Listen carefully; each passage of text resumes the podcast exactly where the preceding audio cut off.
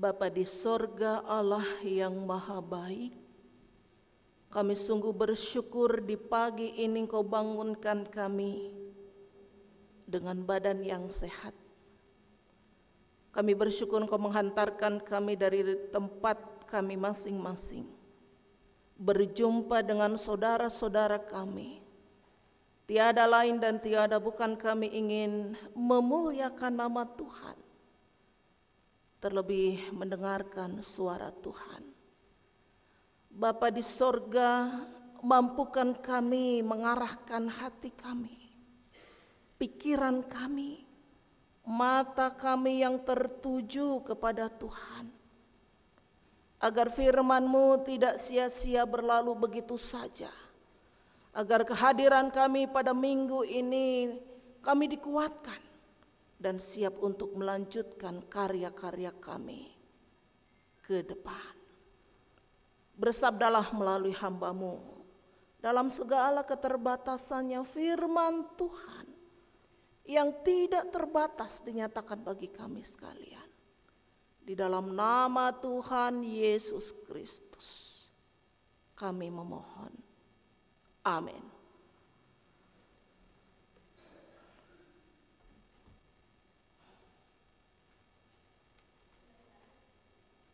Bacaan Alkitab pada hari ini diambil dari Yohanes 14 ayat yang pertama sampai yang ke-14. Rumah Bapak.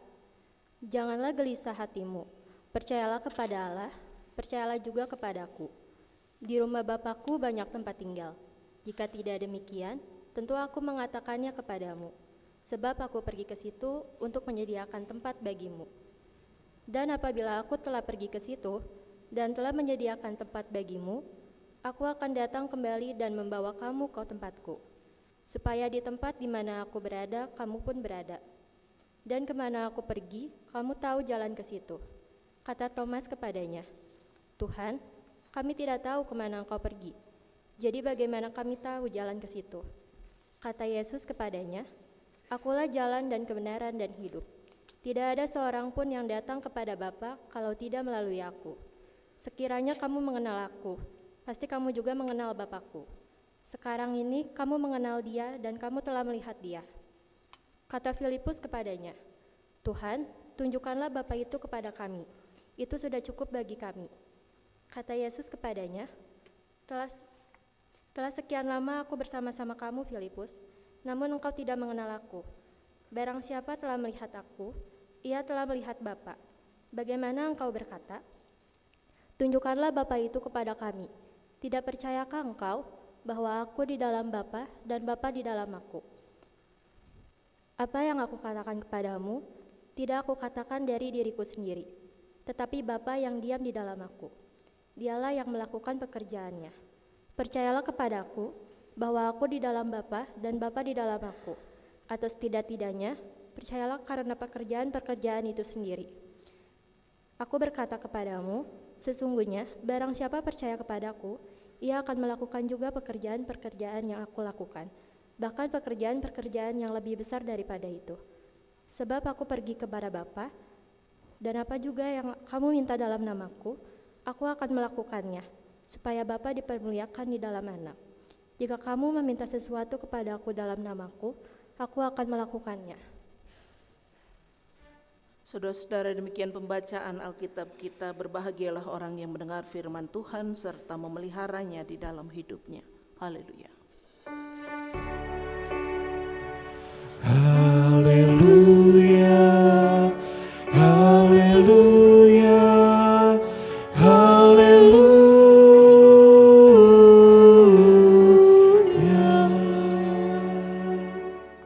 Selamat pagi Bapak Ibu, saudara-saudara, Rujung Enjing, Kumadamang. Ada yang lagi sakit gigi nggak? Nggak ada. Wah, kalau sakit gigi mah nggak bakalan ke gereja ya. Siapa yang belum pernah sakit gigi? Kayaknya udah semua ya. Sudah pernah Bapak Ibu? Kalau sudah pernah berarti saya bisa bertanya. Kalau lagi sakit gigi disuruh nyanyi bisa nggak? Oh bisa? Benar? Nyanyinya kumaha Pak? Nyanyinya Maggie Jet. Lebih baik sakit gigi gitu ya. Daripada sakit daripada sakit hati ini gitu ya. Saya jadi dangdutan di sini. Bapak Ibu Saudara-saudara sakit gigi adalah sakit yang paling menyebalkan. Benar nggak? Kenapa? Dengar orang ketok meja aja kesel. Kenapa ya? Saya juga suka bingung ya. Sakit gigi itu connectingnya tuh luar biasa ya. Terutama sama emosi. Itu baru sakit gigi. Kata Maggie Z, katanya mendingan sakit gigi daripada sakit hati. Bapak Ibu setuju nggak? Kalau saya kagak setuju. Kalau saya nggak mau dua-duanya. Sakit hati juga nggak mau, sakit gigi juga. Astaga, luar biasa itu kalau sakit gigi gitu ya. Dikasih apa nggak mempan. Udah dikasih minyak segala macam nggak mempan. Dikasih obat cuman sesaat gitu ya. Ujung-ujungnya suruh ke dokter ya. Nah, Bapak Ibu Saudara-saudara dalam suasana hati yang tidak dalam kondisi baik-baik saja. Bandungnya udah udah dingin ya Bapak Ibu. Tapi kalau orang gemuk tetap keringetan. Bapak Ibu kalau dalam suasana hati yang sedang tidak baik-baik saja. Pasti kita akan mengalami sebuah perasaan yang tidak nyaman. Tidak tentram. Istilah kerennya apa? Tidak mood begitu ya. Benar nggak?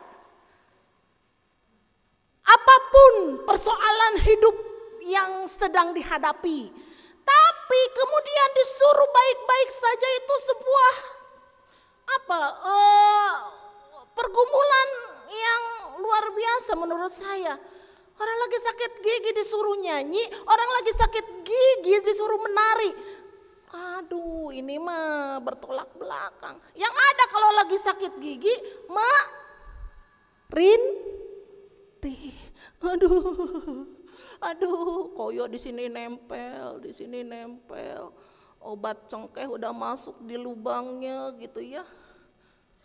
Suruh nyanyi, gimana mau nyanyi ininya aja bengkak. Itu baru sakit gigi.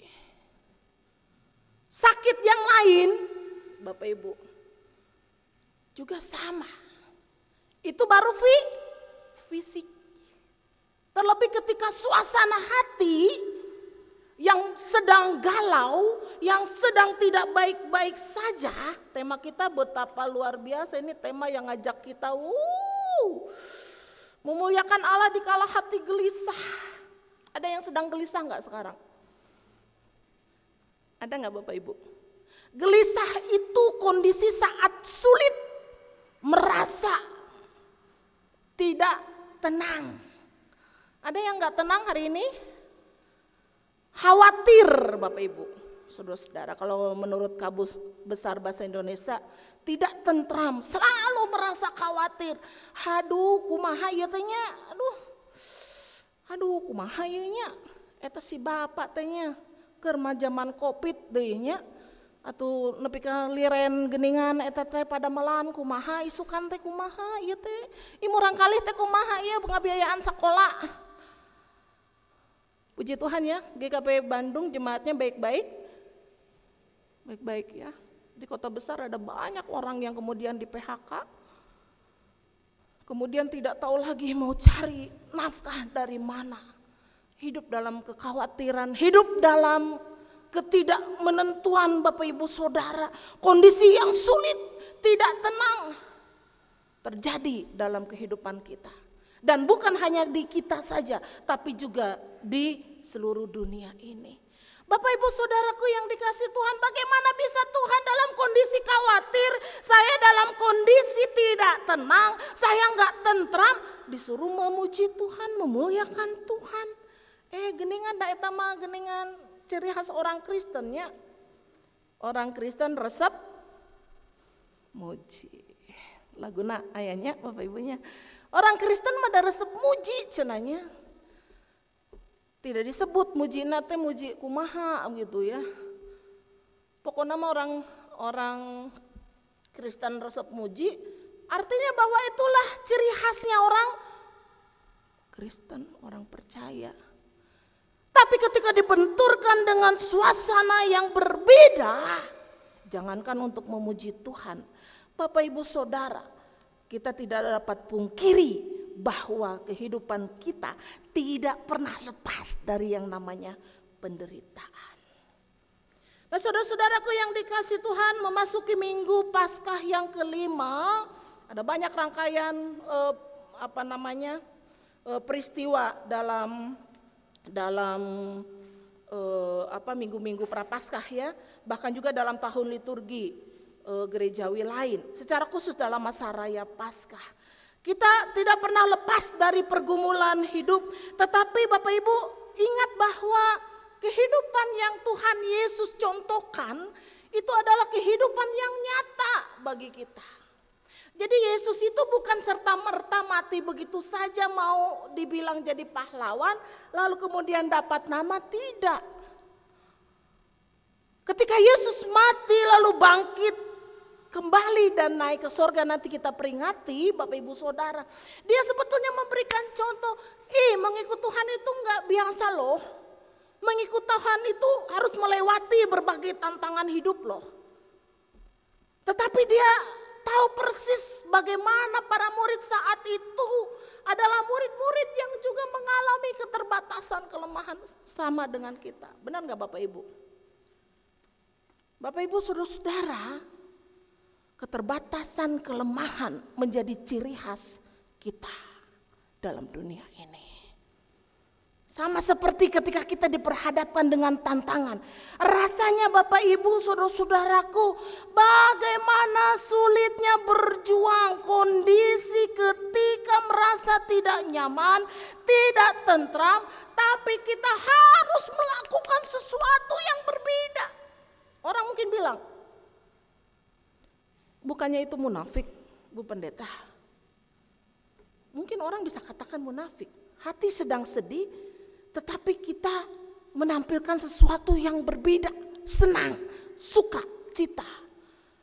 Tetapi kalau munafik itu kan pura-pura Bapak Ibu. Nah ini bedanya. Bagaimana menjadi tidak munafik ketika dalam kondisi tidak baik-baik saja. Tapi betul-betul bahwa hati kita Bapak Ibu Saudara bisa melawan itu. Nah ini tantangannya Bapak Ibu Saudara. Jadi kalau kata Tuhan Yesus jangan gelisah. Saya mau tanya Bapak Ibu Saudara, jadi orang Kristen tujuannya apa sih? Bapak Ibu jadi orang Kristen tujuannya apa? Ujungnya ada teman saya yang mengatakan waktu kuliah, si ngapain sih capek-capek kuliah ya kita ya? Orang yang nggak kuliah, yang kuliah tetap ujung-ujungnya ma mati. Orang makan dengan nggak makan ujung-ujungnya mati. Orang yang sedang sedih dengan bahagia itu kehidupan yang terus bergulir, tapi sama-sama kita mah mati juga. Saya bilang kenapa bisa berkata begitu? Kalau toh memang ujungnya mati, sama seperti kata pengkhotbah, ya sia-sia dong kehidupan kita. Kan gitu ya. Lalu ada lagi satu orang pengalaman nih Bapak Ibu Saudara yang beralih ke Kristen kemudian dia e, dalam kondisi maaf ya sedang dalam kondisi mabuk dia ngomong gini Bu pendeta saya itu pikir ya saya pikir gitu ya. Maaf ya Bapak Ibu. Jangan ditanya ini di mana gitu ya. Saya pikir jadi orang Kristen tuh enak. Saya tidak perlu kerja tinggal makan. Karena yang saya lihat orang Kristen itu orang-orangnya kaya, banyak uang, jadi tidak perlu susah-susah dalam hati. Aduh si bapak, aduh, kok bisa ya berpikir begitu gitu ya? Kok bisa? Ternyata bapak ibu saudara-saudara Di luar sana orang Kristen terkenal sebagai orang-orang yang happy gitu ya. Senang nyanyi, senang bersuka cita. Pokoknya nggak kelihatan kalau kita sedih. Puji Tuhan ya. Ya, ya, ya nuhun gitu ya. Ya tapi kan pergumulan. Dan kita hidup Bapak Ibu Saudara tujuannya untuk apa? Nah kalau cuma untuk menjalani hidup ya biasa aja udahlah. Ya kalau orang Jawa bilang eh, nerimo wes nerimo we lah. Udah jalani hidup. Bapak Ibu saya bilang jangan mau menjadi orang yang seperti itu. Tapi kita punya pegangan, punya iman Bapak Ibu. Ini yang Yesus sampaikan. Jangan gelisah hatimu ketika mengikut Yesus itu tidak sia-sia Bapak Ibu Saudara. Yesus tahu para murid itu ditantang berbagai pergumulan hidup. Mereka ketakutan. Bagaimana ketika mereka percaya kepada Yesus mereka juga diperhadapkan dengan kenyataan. Mereka akan dibenci oleh banyak orang karena kan sesuatu yang berbeda pada saat itu toh. Rasanya kita juga demikian Bapak Ibu Saudara. Mengikut Kristus untuk apa? Ujung-ujungnya kan memang kita akan berada pada titik kematian. Mau bawa rumah kita? Enggak kan ya? Mau bawa kendaraan kita? Enggak, Bapak Ibu. Yang bisa dibawa cuma apa? Apa yang kita bisa bawa? Sepatu mungkin bisa ya. Baju juga baju berapa? Yang dipakai. Meskipun suka ada juga yang bawa baju banyak ya ditaruh di peti. Masih ada nggak ibu-ibu yang lihat bapak-bapak? Cuma saya teh mikir ya, itu kenapa sih dibawain baju gitu ya, di petinya banyak, ada berapa potong, ketika ditanya ke keluarga, oh, itu baju kesayangan Bu Pendeta, itu yang dipakai baju kesayangan juga. Oh, jadi nanti biar di sana pakai baju ya wis lah. Kita kan nggak mau ini ya, nggak mau bagaimana. Kadang juga Alkitab disimpan di peti ya, benar? Iya. Tapi kan kalau orang meninggal mah orang sudah dikubur mah atau nggak bisa baca Alkitab atau ya, benar nggak? Mendingan untuk orang Orang hidup aja nggak jarang baca Alkitab, kok gimana kalau mati? Benar nggak Bapak Ibu? Iya. Iya kan? Ya udah yang buat orang hidup aja lah yang baca Alkitab. Orang selama hidup aja kita jarang baca Alkitab apalagi kalau sudah dalam peti ya. Jadi Bapak Ibu Saudara-saudara, tapi yang menjadi ciri khas orang percaya itu keunikan kita adalah menjadi orang-orang yang hmm, ini dia ya. Yang pertama, menjadi orang-orang bagaimana mengikut Tuhan dalam tiap kondisi tetap mencerminkan kebersyukuran. Orang mungkin pikir, eh dia senang terus ya, banyak duit ya. Padahal ya ampun Tuhan gitu ya. Kalau orang senang banyak duit, Ibu pendeta badannya gede banget sekarang saya nggak enak ya Bapak Ibu ya.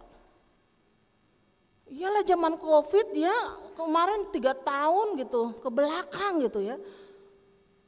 Oh di Cikarang dikasih saksang terus gitu ya. di sana banyak orang Batak dikasih apa namanya ayam apa tuh bu Aduh enak-enak tuh masakan Batak tuh ya. Ya ampun suami saya juga paling senang tuh kalau sudah masakan Batak. Tiap KRT dibawain, habis makan dibawainnya gimana nggak gemuk ya. Kan gitu ya. Orang melihat situasi di depan mata tapi kan nggak ada yang tahu di hatinya seperti apa. Kenyataannya berbeda. Tetapi biarlah itu menjadi sebuah kebersyukuran kita dapat menjadi berkat bagi orang lain. Menunjukkan sikap bagaimana sebagai orang percaya Bapak Ibu Saudara tetap bawaan kita su suka cita. Nas pembimbing kita cakep banget ya di ayat yang uh, sama. Mana ya tadi teh? Nas pembimbing kita tuh luar biasa menurut saya Bapak Ibu. Di ayat yang sama dengan pembacaan kita. Dan apa pun juga yang kamu minta dalam namaku, aku akan melakukannya supaya Bapak dipermuliakan dalam aku eh dalam anak. Enak banget jadi orang percaya. Jangan gelisah. Udah percaya. Bapak Ibu percaya itu, beriman itu tidak ada setitik pun diberikan kepada rasa khawatir. Bapak Ibu. Saya percaya Bapak Ibu Saudara pernah mengalami sebuah kenyataan di luar dugaan. Tuhan menunjukkan kuasanya, kekhawatiran kita, kegelisahan kita. Tuhan tunjukkan peristiwa yang berbeda. Setelah di titik nadir Bapak Ibu Saudara, Tuhan selamatkan Bapak Ibu Saudara.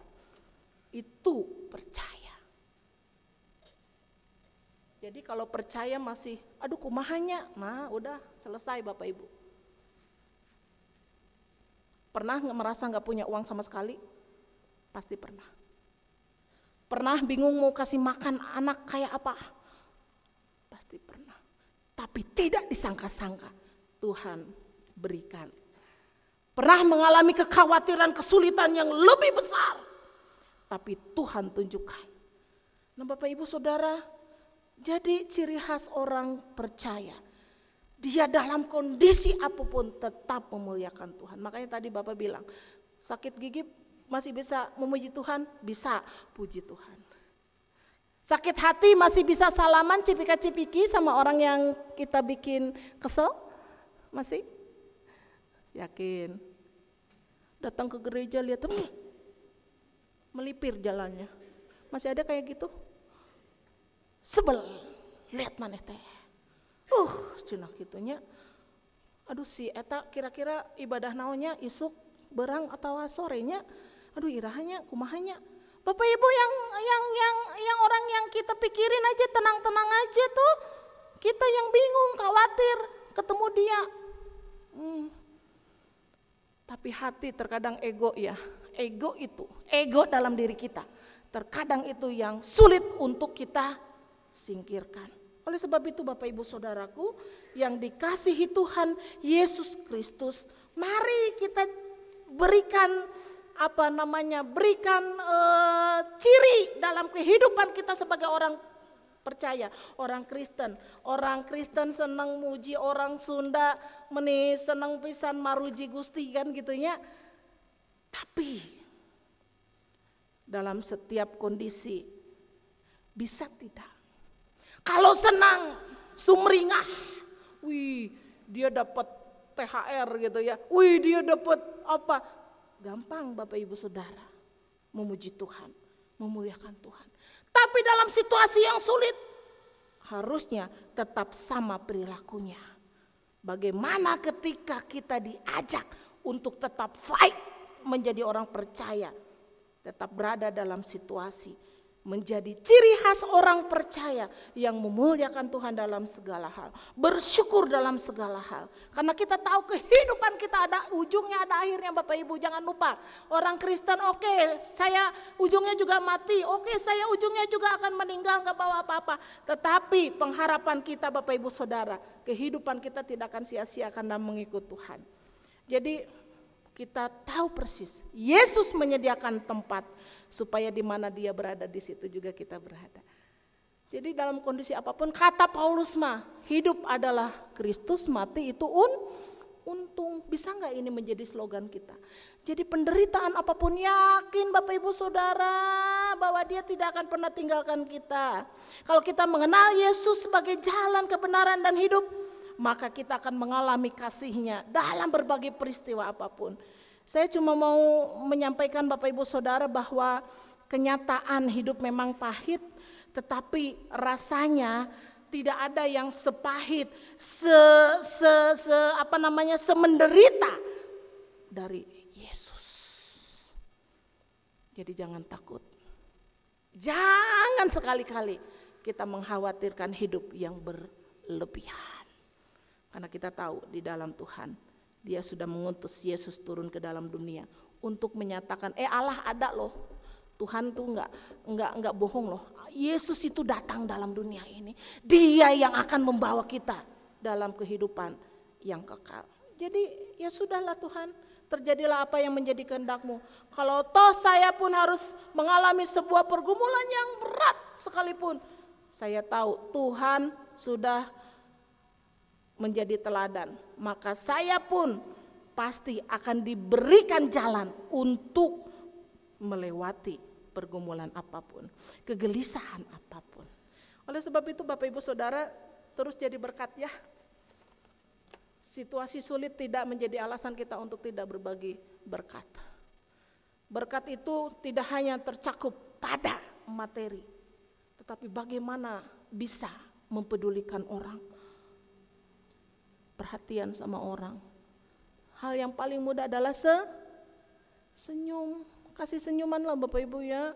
Ya Bu Pendeta kan muka saya lempeng aja Bu Pendeta muka saya kan muka ini muka muka serem gitu ya. Coba kalau senyum. Sekarang pakai masker ya susah ya lihatnya ya. Tapi kalau dikasih senyum Bapak Ibu, aduh luar biasa. Lagi banyak utang juga, aduh seneng dikasih senyuman. ya ada damai itu Bapak Ibu ya. Jumpa orang dengan. Coba kalau muka dikasih muka mesem asem gitu ya kitanya jadi ha, down gitu ya. Eh dia kenapa ya? Padahal nggak ada hubungannya sama kita kan. Damai, berkat Tuhan selalu menyertai, hadapi semua pergumulan, yakin Tuhan itu pasti tidak akan pernah meninggalkan kita. Bagi siapa pun kita yang setia. Dia bilang, apa pun yang kamu minta. Apa? Di diberi. Jadi apa yang kita khawatirkan? Yesus bilang minta aja. Tapi betul-betul hanya di dalam dia saja. Semangat menjalani hidup ini Bapak Ibu Saudara tidak pernah putus harapan di dalam Tuhan dan tetap setia menjadi umat yang Tuhan kasihi dan sayangi. Tuhan Yesus memberkati. Amin.